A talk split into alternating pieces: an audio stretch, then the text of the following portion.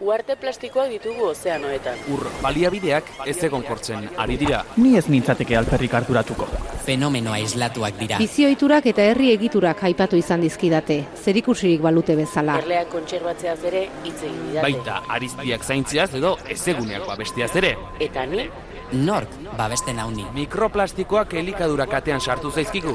Ez ez da perfektua. Bioanistasuna galtzeak atzera bueltarik gabeko ondorioak izan ditzake. Lasaitu zaitez, ez da inbesterako izango. energia erabilerari eta garraioari loturiko isuriak izugarriak dira. Ez du nik erabaki horrela izaterik. Aro geologiko bat markatzeko adinako eragina izan dugu. Evoluzioaren aztarna, arro, egoteko modukoa benetan. Baliabideen erauzketak arrakala sozialak handitu ditu. Zer diozu? Nik ez dut alakorik egin. Eragindako inpaktuak direla eta muturreko fenomenoak ugaritu dira. Nire inguruan ez dut hori sumatu. Euri azidoa bertan da. Bizitzak aurrera darrai. Bai? Ziur, Gelditu makinak. gelditu makinak.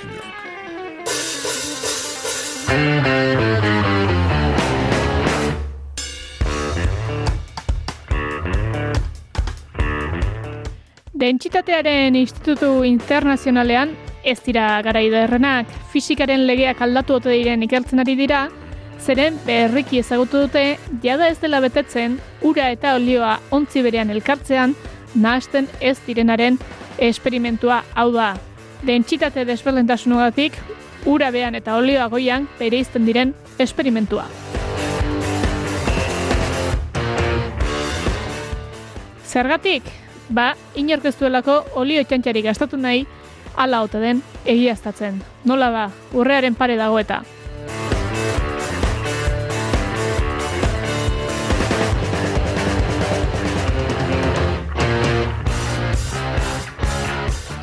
Ohikoa da produktu bat duen prezioaren arabera baloratzea eta horregatik olioari helduko diogu sektorea olibadietatik ezagutzeko eta klima aldakortasunak eragindako espekulazioa lantzeko. Lantziegoko erroiz olioen arduradun den Mikel Izagirre izango dugu gurean.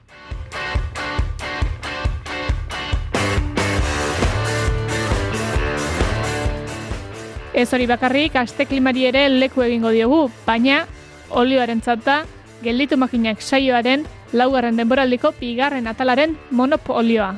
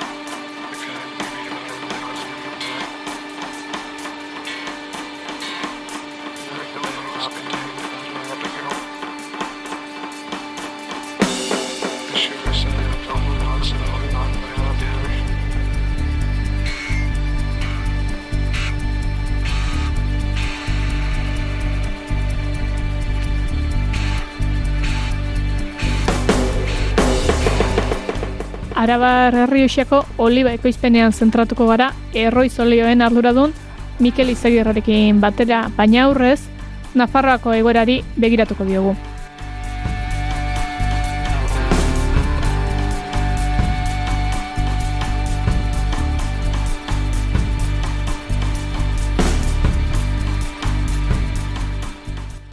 Izan ere antzerako egoera bizi dute bi eremuek eta bat ere gabe geratu nahi ez eta duten gutxiari eutxineian dabiltza ekoizleak.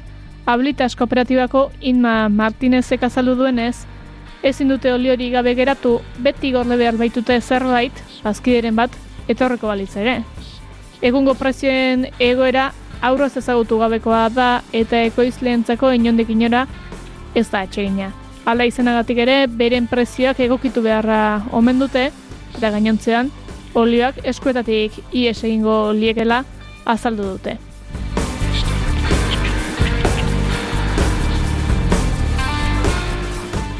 Intia, Nekazal Institutu Publikoaren datuen arabera, Nafarroako ekoizpena Espainiar estatuko ekoizpenaren euneko 0,iru eta 0,hogeita artekoa da. Utsaren urrengoa Andaluziarekin alderatuz gero. Bigarren honek bataz beste Espainiako ekoizpenaren euneko irurogeita amaseiari erantzuten dio, eta eraberean mundu osoko ekoizpenaren euneko hogeita bederatzi da bertakoa. Italia osoan, herrialdeka Espainiaren atzetik bigarren ekoizle handienean, mundu mailako kopuruen euneko hogei ekoizten da. Hortik kontura, kontuak atera, Espainiako ekoizpenak eta zehazki Andaluziakoak duen eragina. Eta jakina hori prezioan ere antzeman egiten da.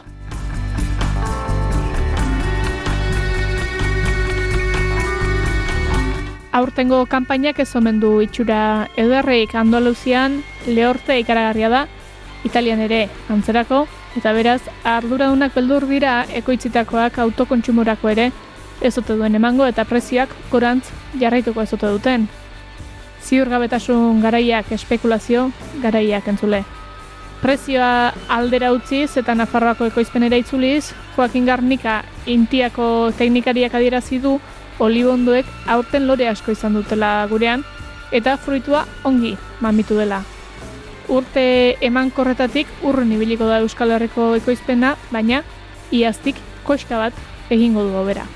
Aurtengo kanpainari aitzakia jartzekotan teknikariak kaskabarra aipatu du nekazal garaian Nafarroan ekaitz eta txingor kopuru handia registratu delako. Ekoizpenaren errentagarritasunari begira berriz, inbertsio handi xamarra eskatzen duen sektorea da gaur gaurkoz. Baina ekoizlen iritziz, interesgarria inundik inora.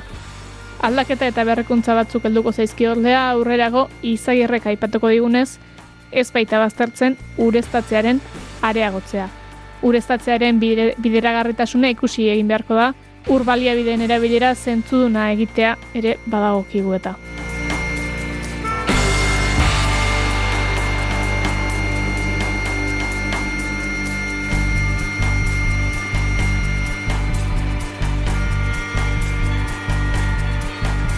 Olibadi guztiak ez dira Berlinek ordea eta denek ez duten merkatu nagusiaren erritmora dantza egiten. Kiko Fernandez ekoizleak, adibidez, ez du preziorik aldatu, gertatzen ari dena ez baitzaio justua iruditzen. Ekoizpen gastuak ez direla maila horretan nigo adierazi du eta prezioen handitzea ez omen da inoren onurarako izango kontsumitzaileek produktua bazterruzteko arriskua dagoelako.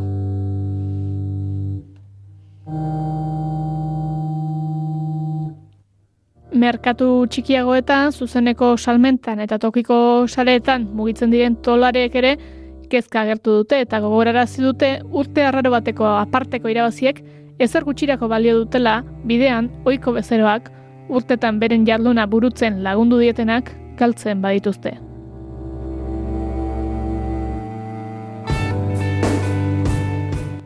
Zer esango dugu baguk, giroa arro dago eta horregatik eman nahi diogu hitza ekoizleari.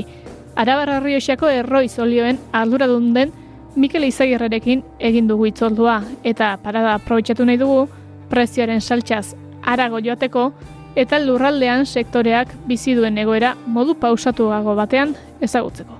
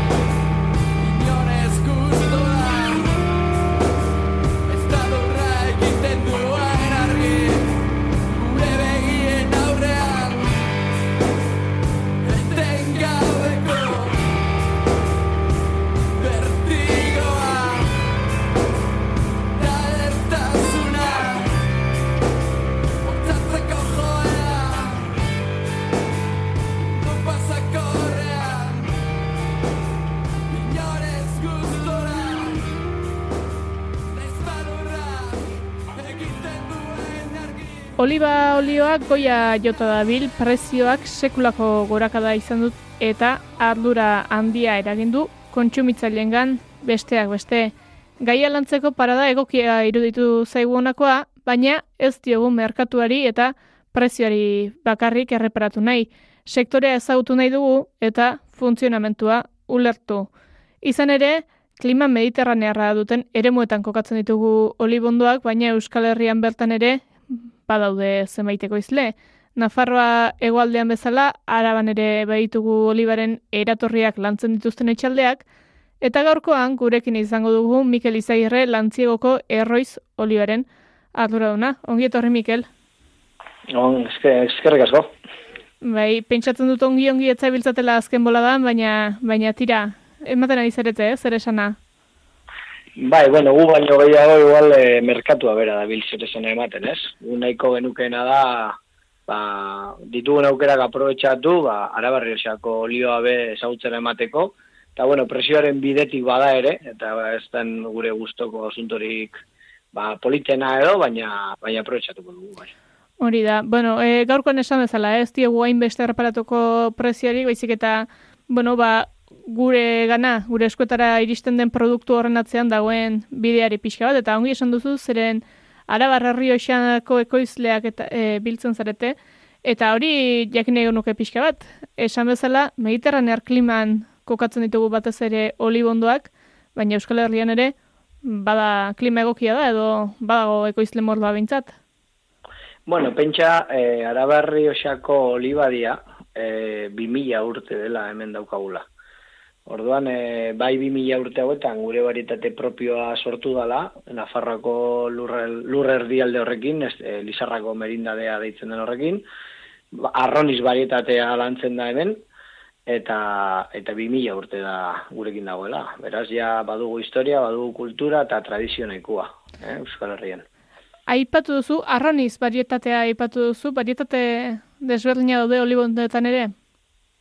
Bai, bueno, arabarri osan e, batez ere hori lantzen da, baina euneko handi baten. E, gure klima egia da e, olibondoak e, ekoizteko ba, mugan dagoela, eta eta horrek eragiten diola, baina gure varietatea oso ondo moldatua dago berezitasun hauetara, eta eta orduan ez daukago ekoizteko inungo arazorik. Badaude beste varietate batzuk Euskal Herrian lantzen direnak? Bai, batez be, Nafarroko egoaldean badaude hor redondilla, eh, enpeltreak, eh, badaude beste orain asko mediterranetik ekarritako arbekinak, pikualak, eh, ikarrasiatik etorritakoak baita ere badaude, koreneiki eta bar. Baina horre gehiago ja Nafarroko egoaldean kokatzen dira, klima beroagoa da, lehorragoa eta uda edo klima beroa luzeago dan lurraldetan, Euskal Herriko egoal, egoaldenean.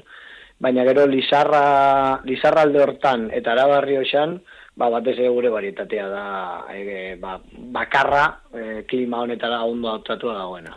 Beraz, e, bakarra den hori da, arroniz varietatea, hotzera ere ongi egokitzen delako? Bai, hori da. E, bere berezitasun handienetariko bada, loralditik fruitu eman arte pasatzen den denbora oso motza dela. E, ba, normalean e, apirilan edo maiatzean lorak ateratzen dituen zuaitz bada olibondoa, eta gure arroniz varietateak ekainaren erdialdera arte ez ditu lorak ateratzen. Bertan ja beruaz, lehorra eta eguzki ordu asko ditugun arte. Baina gero usta jasotzeko orduan, e, ba ez da egunik igarotzen, hau da, urriaren amaiera aldera, ja fruitua pres dago jasotzeko. Beraz, e, hilabete eta erdi, bi hilabete gutxiago behar ditu, prozesu guztia garatzeko, eta hori da, e, bertako klimara oso ondo egokitu da goen sinale bat. Bai. Eta horrek ere ematen dio berezitasunik e, zaporean edo gero testuran, edo zerbait e, badu ondoren olio bihurtzerakoan berezitasunik ematen dionik? Bai, begira, e, normalean klima, be, edo klima ja saietan azten den olibadia, batez ere hotzetan e, polifenoletan oso aberatsa den olio bada. E hori zuaitzak sortzen da den, ba, e, proteina batzu dira, eta proteina horrek gero fruitura iristen dira, eta fruitutik guk olion bihurtzen ditugu. Orduan, e, hitz egiten dugu ba, oso oso on nutrizionalki oso aberatsa den olio baten inguruan. Mm. Eh? Horrek ere, aparte, zaporean badu eragina, ba, gureak e, mingotx puntu bat badauka, baina goizua dena, eta gero berdetan ekoizten dituguna, baita ere, ba, pikante puntu bat ere izan dezake. Modu naturalean, oso freskoa dira eta eta oso baloratuak merkatuan. E, jakin dugu aprora elkartearen berri ere, et izan ere, 2008 hasierako adierazpen batzuetan jaso genuen e, iazko ekoizpena historikoki basua izan zela. E, hori dela eta ortengoa ere ez dator itxura askoz hobea, ze, ze goera bizi duela esango zenuke sektoreak araban, momentu puntuala da, gere lendik zetorren joera bati erantzuten dio. Ez, batez ere lehortek eragindako, bueno, bi pixkate bi egora ezberdin juntatu dira, ez, eta bi gure kontra. Lehenengoa bi urtetan jasan dugun lehortea, bai, on, oin euri batzuk bai euki ditugula, eta horrek ba arindu dago lehorte hori, ja berandu da, horrek laguntzen da, ba, zuaitzari eta datorren urteko ekoizpenari begira, baina aurreko urtean batez ere oso sorte txarrak genuen, ze ez da gogoratzen zareten, baina aurreko urteko ekaina aldera, e, ba, bero izugarria jasan genuen, hemen berrogeita piko graduko temperaturak, eta gure olibadia loratan zegoan gara gertan. Beraz, e, lora hori errein zan, eta lora erretzean, ba, fruituak ezin, ezin izan zuen e, guk kuajar esaten dugu, edo, bueno, ez, esan, fruitua esan aurrera atera. Horrek, gero lehortearekin bat, ba, nahiko guzta, e, bueno, historiko hoki eskasea atera zuen, eta gerora, ona litzateke nuro erren zain egon gara, baina urte osoan zehar oso eskasa izan da ura, e, horrek zuaitzean estresa sortzen dago, estres hidriko bat, eta estres hidriko horren erruz, ba urten guzta ere nahiko eskasa da. Egia da gure planteamendua, aproratik egiten dugu planteamendua, bai dala purtxo aurreko urtekoa, baina pixka tobea, bai, estatuan, estatu espainolean batez ere e, bai, itxa, bai oso ekoizpen txiki espero dutela, guk aurreko urteko baina pixkat handiagoa, baina hala ere historikoki nahiko eskasa. Hor, e, orain arte esan bezala, eremura lurraldera egokitutako landareak direnak, baliteke alako, bueno, joerari eutxiko balio behintzat, ureztatzeko premia duten plantazioak izatea? Bai, bueno, olibadia jende asko uste dago e, ur gutxiko zuaitza dela eta berez ez da horrela, bai, e, olibondoari ura, urra, ur beharra badauka eta desentezkoa gainera, baina gero ja da guzkia eta behar duela. Orduan, ureztatzea beti da, beti da positiboa. Hemen ara berri esan, badaude herri ezberdinetan ja, bueno, gu lantzigon bertan badaukagu ureztatzeko aukera, nahiz eta urten justo matxulotu egondan da, da zailtasunekin ibili garen, bai, eta beste herri batzuetan, ba, orain txedagitza, ba, obra horietan edo, edo lanketa horietan. E, olibodiari begira, bai egia da, eta usta, e, urteroko usta bati, edo usta horren mantentzari begira, ba, urestatzea beti interesgarria dela. Hori egia da. Oroar, hala ere, horrek eraginen bat izango du arabako ekoizleen gain, edo eh, nola ikusten duzue, bueno, sektorea, ekoizle kopurutik, ze ekoizte, ekoizpen neurritan zabiltzaten, Bueno, oso basuan, hemen pentsa eh, olibadiaren ekoizpena ba, aurreko urteko, aurreko, barkatu, aurreko mendeko erdialdean edo ba, asko gutxitu zala, bai erenera edo pasatu zen olibadi hektaria kantitatea, orain berriro ere ari gara landatzen eta berpisten, baina gure egoera oso oso txarra da, batez ere ba, behar ditugun litro kopurua edo ez, e, garrantzitsuak izateko merkatuan edo behintzat e, ba, merkatuari esateko hemen gaudela eta eta ekoizlea garela, ba orain falta gago muskulo pitxin bat ba, ardoaren indarrak eta kendu ziguna. Berreskuratzen ari gara, e, gure kalitatea oso ona da, oso altua, eta horri merkatua gero eta eskertzen duen zerbait da, eta aurrera egiterik besterik ez daukagu. Hor beste eh, halako sektoretan pati pat lehen sektorean ikusten da azken boladan behintzat, badagoela erreleboa emateko zailtasunak edo belaunaldi berriak bertaratzeko zailtasunak, ez dakite erakarmen falta den edo baldintzak diren, zuen, zuen kasuan nola ikusten duzu? Bueno, oso asko daude, ez, ba, herri txiki batean bizitzea egituen zailtasunak, eta bar horrek ere egitu beharra dira.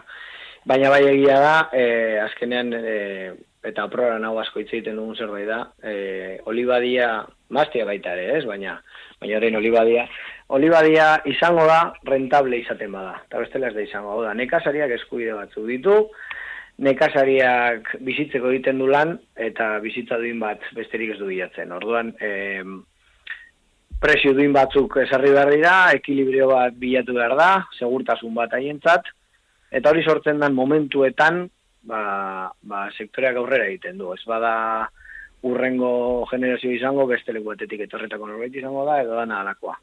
Baina hori da kondizio nabarmenena hau da. Ekilibrio baldin badago nekasaria duin bizi da daiteke e, segurtasuna baldin baduka edo bermatua baldin baduka aukerak badaude. Baina hori zendu barra daukagu. Bertako gazteak hemen geratzeko eta eta nekasari hauek aurrera egiteko. Baduena zerbait, eh, Mikel, olioaren sektoreak bintzata, kanpotik begira, badiru diela, ekoizlen artean badagoela harremana, edo trujalean, e, trujalaren funtzionamendua dela eta badagoela elkarlan bat, ez dakit egia den, itxura utxa den, e, ekoizlen artean baduzue lankidetzarik? Ba, noski, desente gainera. A ber, eta olibadiren kasuan gehiago. Pentsa hemen, e, olibadia, ba, esan dut, lehen esan dut bezala oso tradizionala dela, eta nekazariak ja ez diren familiek beraiek ere olibadiak zaintzen jarraitzen dutela eta e, ba, gure dolaretan etortzen dirala ekoiztera eta taien urteroko olio bilaz. Gero hauek berak, berak dira ba, ba, guri dolare hoi edo jaten ematen digutenak. Bai, beraiei ikosten diogu, beraiei erosten diogu sobran daukaten oliba kopuru hori, eta horri esker sortzen dugu gero merkaturatzeko dugun produktua. Gure lurzaietaz aparte, bai, gure herri osoarekin, bai, ez bakarrik gure herriarekin, baizik eta inguruko herri guztietako nekasariekin ere lankidetza bat eta eta relazio handi daukagu. Baita ere dolaren arteko e, relazioa ere.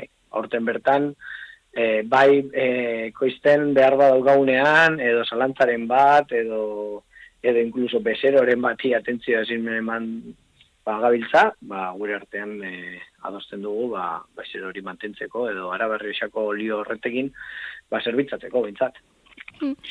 Aipatu duzu dolarea, eta, bueno, jakineko genuken nola den dolarera pasatzeko funtzionamendua, edo ze prozedura egiten dituen, e, azteko bildu egingo duzue, oliba bildu egingo duzue, eta hortik bai. olio bihurtzera inoko ze fasetan, ze fase daude? Bale, Oso ondo, ba, gar, ikusi. Garrantzitsuena fruitua da.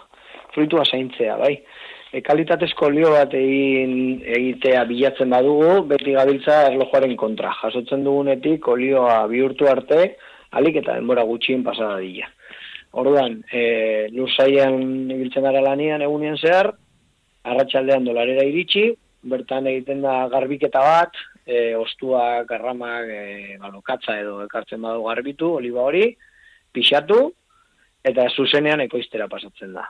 Eh, orduan, ekoizten hiru pauso ezberdin dauz, denengoa da e, oliba hori txikitu, txikitu egiten da dana ezurta guzti, eta pasta bat sortzen da.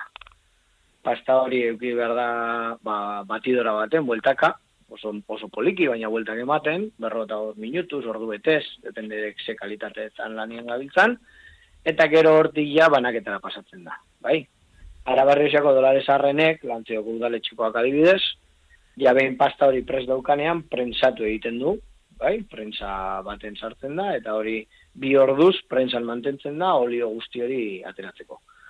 Guk orain berriz, da, dolare moderno edo, erabiltzen dugu zentrifuga batzuk, eta abiadura erabiltzen dugu olioa e, solidotik eta uretik banatzeko.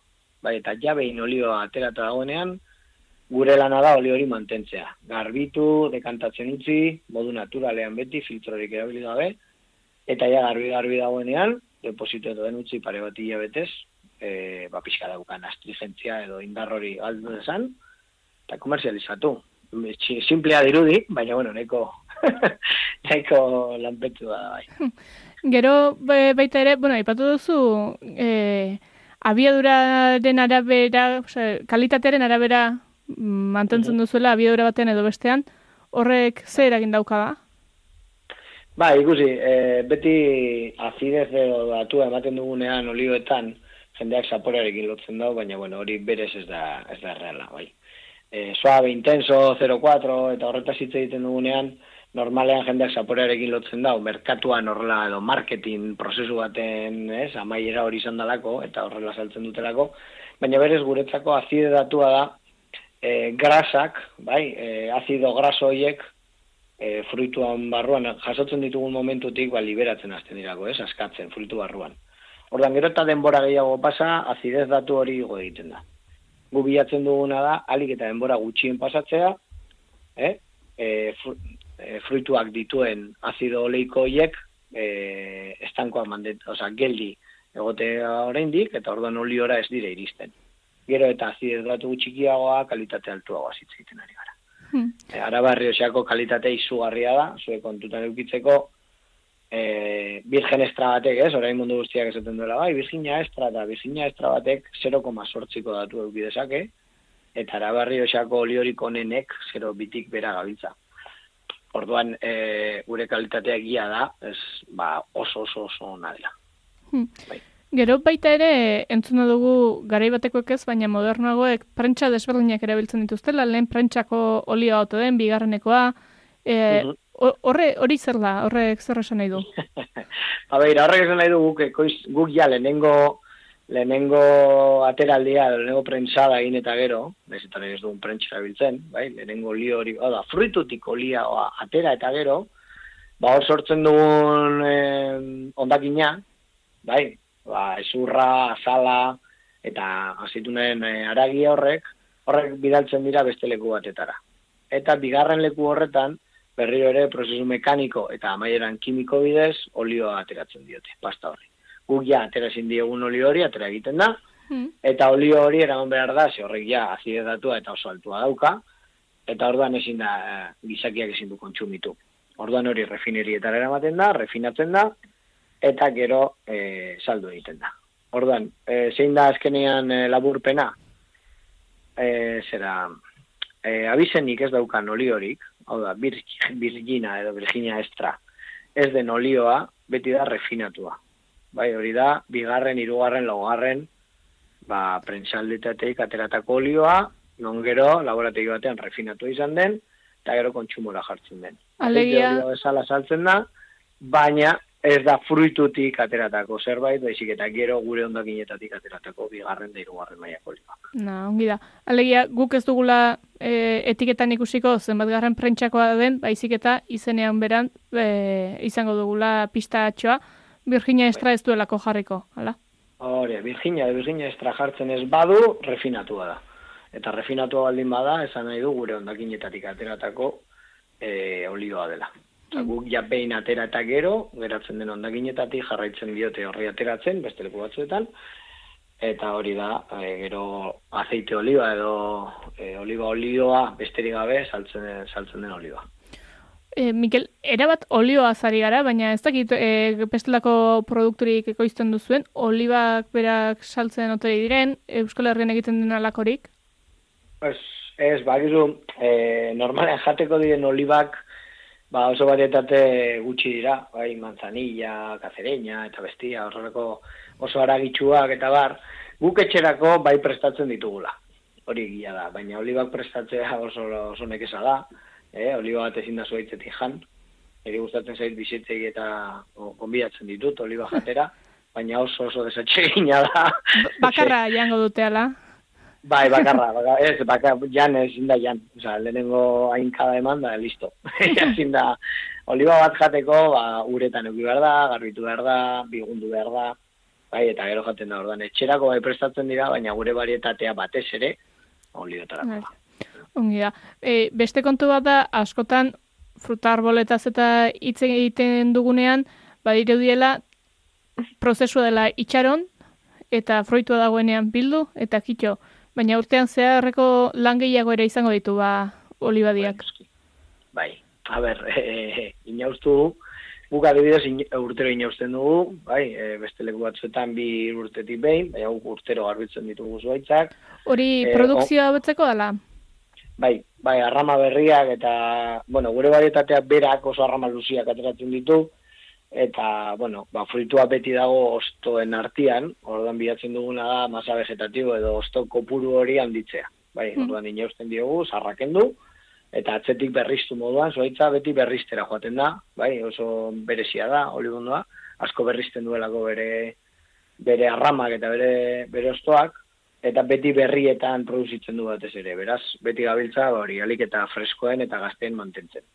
E, hori alde batetatik, gero ongarritzen da, e, ba, intsektuekin ere beti biltzen gara burrukan, eta, bueno, guk ekologikoan egiten dugula, beraz, ba, bueno, ba, gizu kontrola, eta badaude momentu batzuk, ba, bereziagoa direna, ba, intsektu batzuk bere prozesuetan min egiten digutenak, eta saiatzen gara, ba, minorik egiten, alik eta modu naturalenean. Baina, bueno, bai, parte hartzen dugu pizkatxo bat, ere, hor, Eta gero batez ere, bai, eta oso ez ezaguna da, ze mundu guztiak lotzen du, ba, match bilketa e, ba oso lan gogorra balitzu bezala, baina oliba biltzea oraindik ale eta gogorragoa da. Bai, hori, hori bai izaten dela e, mundu guztia bentsat eigarria, baina, baina oliba jasotzeko lan handia egin behar da, batez ere guk, eundaka urte dituzten oliba dietan lan egiten dugunok, eta bueno, ba, ba egunak eta egunak ematen ditugu oliba jasotzen. Gero, prozesu hortan bertan, e, arrata ditzeko moduko izena dauka behintza, ze jetzi egiten duzue e, oliba ala? bai, bueno, hori da modu tradizionala, bai. Hori hemen denok egin dugu, eta egiten dena da, ba, ardi bati esni ateratzea bezala, edo behi bati, ba, arrama sarrama, e, eldu, eta zestraino eraman, orduan ematen dugu gesten, zabizela. Bueno, irudi bezala polita da, bintzat. Bai, bai, ondio jarraitzen da, eh? Oli ondio sarrenetan eta lapatxuenetan eta bar, hor, ba, ez, ez makinaria, ez gugorain sariak eta vibradore txiki batu mm. erabiltzen ditugu, eskuzkuak. Eta, eta horrekin ibiltzen gara, ba, lekurik aproposenetan, baina gero baditugu olibadiak, ba, malgarretan eta aldapetan, eta eta orduan eh, hor ondio batzutan, tokatzen da, batzuk eskuz jasotzea. Hmm. Aipatu dituzu lehen intsektuak esan duzu horrela orokorrean, Ez dakite baten bat zehaztu beharko bazenu, zein bai. izango litzatekeen e, olibondoen etxairik nagusiena edo? Ba, a ber, gure lurrauetan, bai, etxairik nagusiena praisa da. Praisa da intsektu bat, bueno, bere hiru etapa ezberdin dituela, eta batzu mingarriago dira beste batzu baino, ez? Neguan praisoneko estoren bat jaten da, eta ez dugu minik erabiten, orduan pakez nuzten dugu, baina gero bai loraldian eta bai loraldi geroko e, fruitu txikietan bere, bere zera larbak usten ditu eta larba horre jaiotzen dira azeitunaren barruan. Eta orduan abuztu amaiera aldera, orain, ontxe, egun batzuk, ikusitu goia bere eraginak, larba horiek egiten dutena da, e, olibaren bustana bigundu, bai, eta ger, lurre erortzen dira izia dagoen momentuan. Orduan, ba, bueno, usta gal, galdu edo zatitxoa galtzen da. Bai hor, bueno, ba, bacillus turigensis deitzen dan produktu batekin, produktu natural bada, neko selekzionatua beraientzat, eta hor bai saiatzen gara pixkat berera gina mosten. Hori da gure, gure nabarmenena, gero ere badago beste bat oso formatua dena, egoaldean mina handia egiten duelako, e, dala la mosca edo oligo, bai, ba, olibondaren eulia edo dituko litzatekeena, baina horrek bertan hotzarekin eta neko eragin txikia duk. Hmm. Orduan, gu pakia latzen du. Ez dugu kasuan egiten. Onsongi. Bueno, ba, e, olibadiak eta praisa bera ere pixka bat alden utzita, sartuko gara olibaren prezioan, zeren esan bezala, hautsak ere bat hartu ditu gorakada horrek. Eta tira, zergatiak ere, bueno, ez daude ainargi ez, lehen aipatu dugu ea, eragin handia izan zuela iazko lehorteak, usta txikitu duelako, Aurten alako lehorterik ez da izan, baina ala ere prezioak igo egin dira, hori zergatik da, Miguel? Bueno, a ber, ez dago zergaiti bakarra, ez, hau da betikoa. E, aurreko urteko guzta hemen oso oso kaskarra izan zen, eta e, aurten Espainia, Espainian da oso, oso, oso kaskarra. Eta zergaiti antzerakoa da, aurten e, aurreko urtean hemen gertatu zen loraldi erreketa hori, aurten egualdean gertatu da, e, produkzioak ja txarrak esperozian eta txarragoak dirudite, oin ja hilabetera edo gode azteko, beraz ja ikusten da, zer egongo den gutxi gora bera, eta oso guzta txikia da. Kontutan eduki behar da, Estatu Espainolak sortzen duela mundu oso kondeko berro eta marra. Bai, hori ere datu hori oso garrantzitsua da. Beraz, mm. Espainian gertatzen denak mundu osoan dauka eragina bai, oliba olibaren e, zentratu, bai. zentratuta, bai. Orduan gu oso txikia gara eta horrek begia esan da gu hortik kanpo bizi gara, gu gure merkatuan bizi gara eta ez diogu kasu handirik egiten. Horri, egia da, ba, gure presioak eta regulatzen direla, baina, baina ez diogula inbeste begiratzen. Zergaitik den, banik hiru zergaitik bai emango txut, ezberdinak, bai, lehenengoa da usta jaitxiera horrek, bai, ba, aurtengo nekazarien gan, bai ala bai, ba, eragin eduki behar duela, eta eh, nekazari hauei, hobeto ordaindu behar zaiela oliba kilo hori, hori derrigorrezkoa da, eta horrek presio igoko du. Baina batez ere, eh, da, merkatuan estoka edo esaten duguna, da, zenbat litro gelditzen diren salgai, ba, oso txikia dela. Orain dela gutxi itzein nuen, ba, neko garrantzitsua den pertsona batekin mundu horretan, ez, merkatu ondi hoietan, eta oso horri esan zuen, presioak ez balira igoko, orain ja ez genuke oliba oli horik izango. Hau da, salmenta ere regulatzeko modua da. Horrek espekulazio sortzen duela, eta horrek jende bati diru asko eman diola, eta nekazariak aurrek urtean oliba hori saldu zuen nekazariak ez duela sentimorik ikusi, guztiz egia da. Hori horrela da. Baina hori gertatu da e, oliba olioarekin, eta gertatu da e, gariarekin, eta gertatu da danarekin, bai? Gaietak igotzen dira, baina nekazariari ez edo gehiago ordaindu. Hmm. Zer gertatzen da, ba, hainbeste, hain igokera handia izan dela, eta igoera hori dator e, merkatuan, hau da, guk normalean, linealetan, supermerkatu handietan ikusten ditugun olio markak, ez dira ekoizleak. Haiek ez dute ekoizten, haiek enboteiatzen dute, eta gero egiten dutena da, olio hori saldu. Olio hori erosten duten lekuetan, ba, be, milaka milioi litro dauzkate, eta orduan astero-astero litroiei presioa jartzen zaie prezio hori urtean zehar gora eta gora eta gora ibili da, eta oraintxe bertan dago sortzi euro, sortzi euro eta erdien kiloa, kiloka saltzen da, merkatu horretan. Bai, horrek esan nahi du, erosleak gero enboteiatzera eraman behar duela bere fabrikara, enboteiatu, gero linealetara bidali, eta erosleak erosi behar duela. Eta, klaro, e, presio horietan erosi den olioak, orain ba, mar eurotan, amaik eurotan, ikusi ditzakegu. Hori arabarri esan gertatzen da? Ez. Hori arabarri esan, ez da gertatzen, ze guk, oin dala urte bete, e, erosi genuen oliba, prez daukago eta gure bezerak normalean gainera izaten dira ba, fidelak. Hau da, beti berdinekin egiten dugu lan, bai erosteko, bai nekazariak eta bai, bai erosleak. Bai, gure kasuan, ba, Euskal Herria eta, bueno, gero esportazio pixkat. Hori, Beraz- bai, sei, sei. Beraz, esan, esan dutena da, e, badagoela beste mundu bat linealetatik kanpo eta e, telebistan hainbeste entzuten den igoka da eta auta beste, bai, hortik kanpo ere badagoela munduan, non, ba, gauden ekoizle pila bat, txikia garenak, eta presioak ez diren hainbeste, hainbeste mugitu. Egia da, eta hau ere esan beharra dago, lehen ere ez ginela inkompetitiboak presioan, bai kalitatean, eh? eta orain ere, ba, ba gure gehiago kadak oso txikia direla. Gure kasuan, adibidez ez da, igo, olioa, hortzen. Egia da ere agortua dugula. ja, baina bueno. Bueno, hor, e, ikusten dena, bai, e, ekoizle txikien kasuan behintzat, alako, bueno, beste merkatu batzuk ere baditu zuela, eta badagola merkatu han, nagusitik, kanpo funtzionatzerik, da. eta beraz, merkatuaren beraren kontrola izateko aukerarik e, badagola, ez? Bai, zuk, e, a ber, Euskaldunei begira, pentsa, bai Nafarroan eta bai Arabarri oxan, e, dolare bat bilatzen baute, e, olioa zuzenen erosi desaketela eta ez, ez dutela presioietan hainbesteko aldaketarik izango.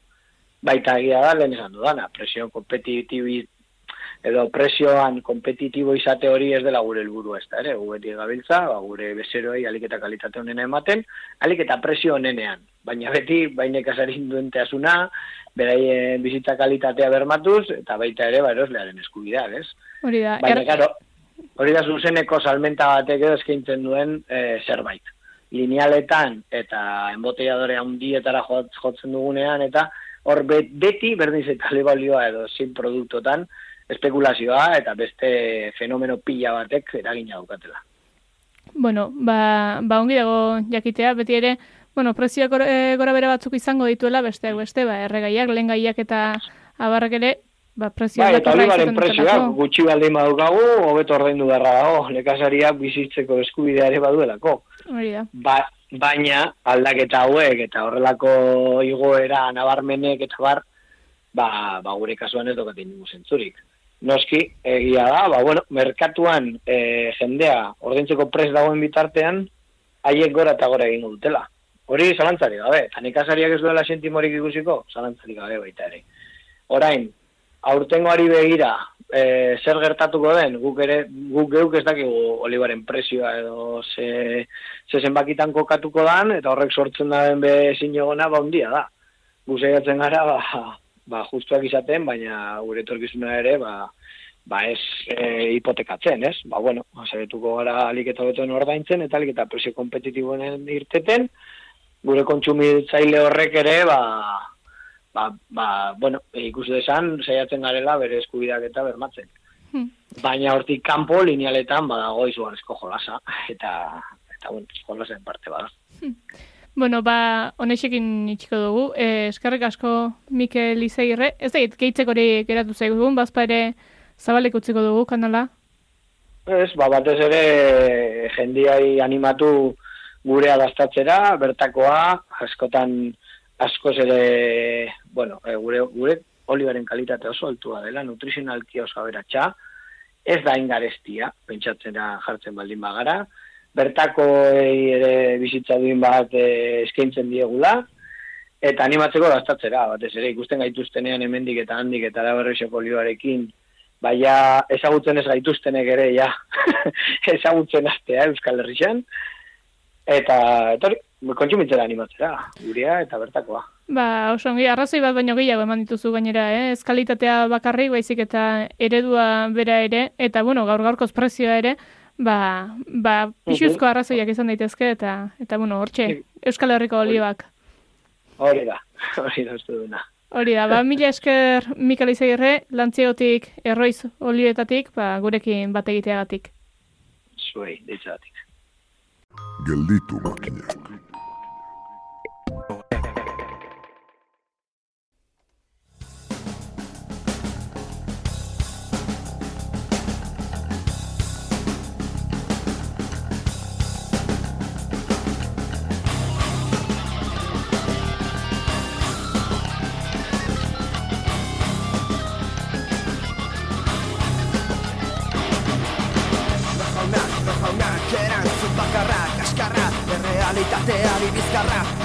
Ostrukaren alegin, ditxi dezakun egin, sistema una, grande, libre, honekin, poliziak, dakaka guziak, dira erritutak, honen biziak, zure geroa, argituz doa, baina noztopoa, betiko leloaren, betiko leloa!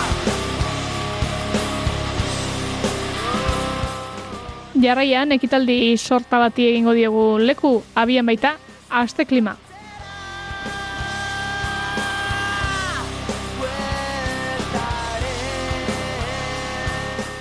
Irailaren hogeita bitik urriaren batera bitartean Euskadin, Euskal Autonomia Arkidegoan, martxan da aste klimaren laugarren edizioa. Klimaren eta energiaren astea da aste klima, Eusko Jarlaritzako ekonomiaren garapen, iraunkortasun eta ingurumen sailak, energiaren euskal entitateak eta IOBE erakunde publikoen bitartez bultzatutako ekimena. Iretsi lizua korbata ezuak, da zure lana, Ekimen honek helburu du herritar herritarrak trantsizio energetikoaren eta klimatikoaren aurrean kontzientziatzea eta mobilizatzea. Eusko Jaurlaritzak lau koma bi milioi euroko diru laguntza eman du toki erakundeen garapen jasangarriko ekintzetarako eta hemen ez opari, baina herriz herri antolatutako programazioa osatu da. Denera berraun eta hogeita mar jarduera inguru izango dira Arabako, Bizkaiko eta Gipuzkoako hainbat herretan. Tailerrak eta erakusketak, hitzaldiak, antzerkiak, escape roomak, kontu kontalariak, bisita gidatuak eta bideo eta argazki lehiaketak denetik izango dira klimari begirako astean.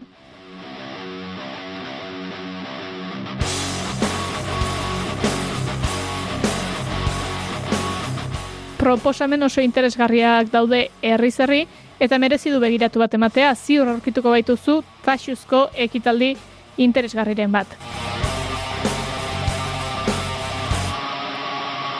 Ekintza oro txikia bada ere garrantzitsua da.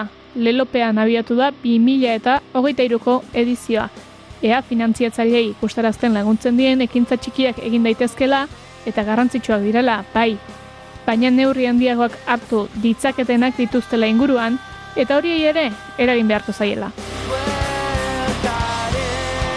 Aste klima beraz, urriaren batera bitarte Euskal Autonomia Arkidegoko zenbete horretan.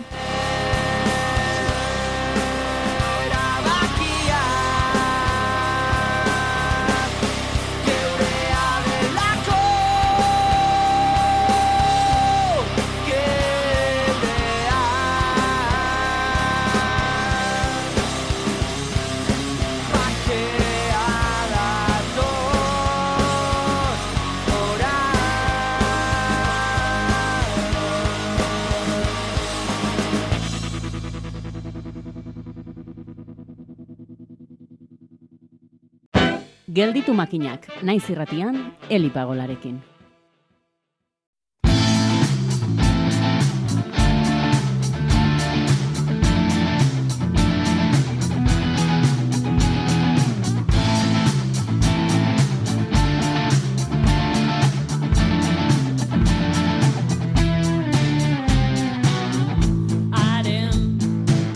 Gaitasun naturala agertu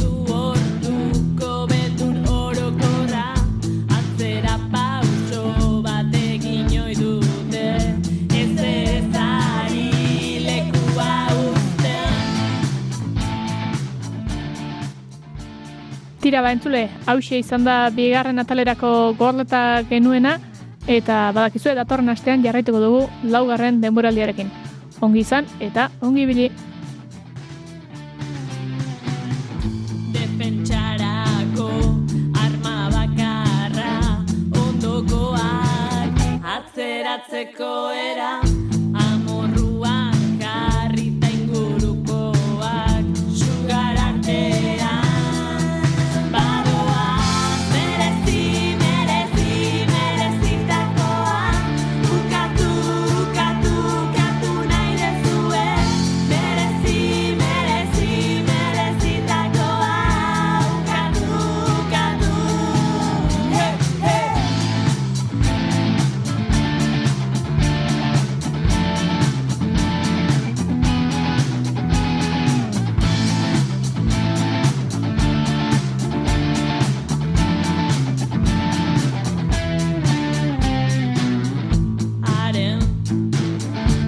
Haren gaitasun naturala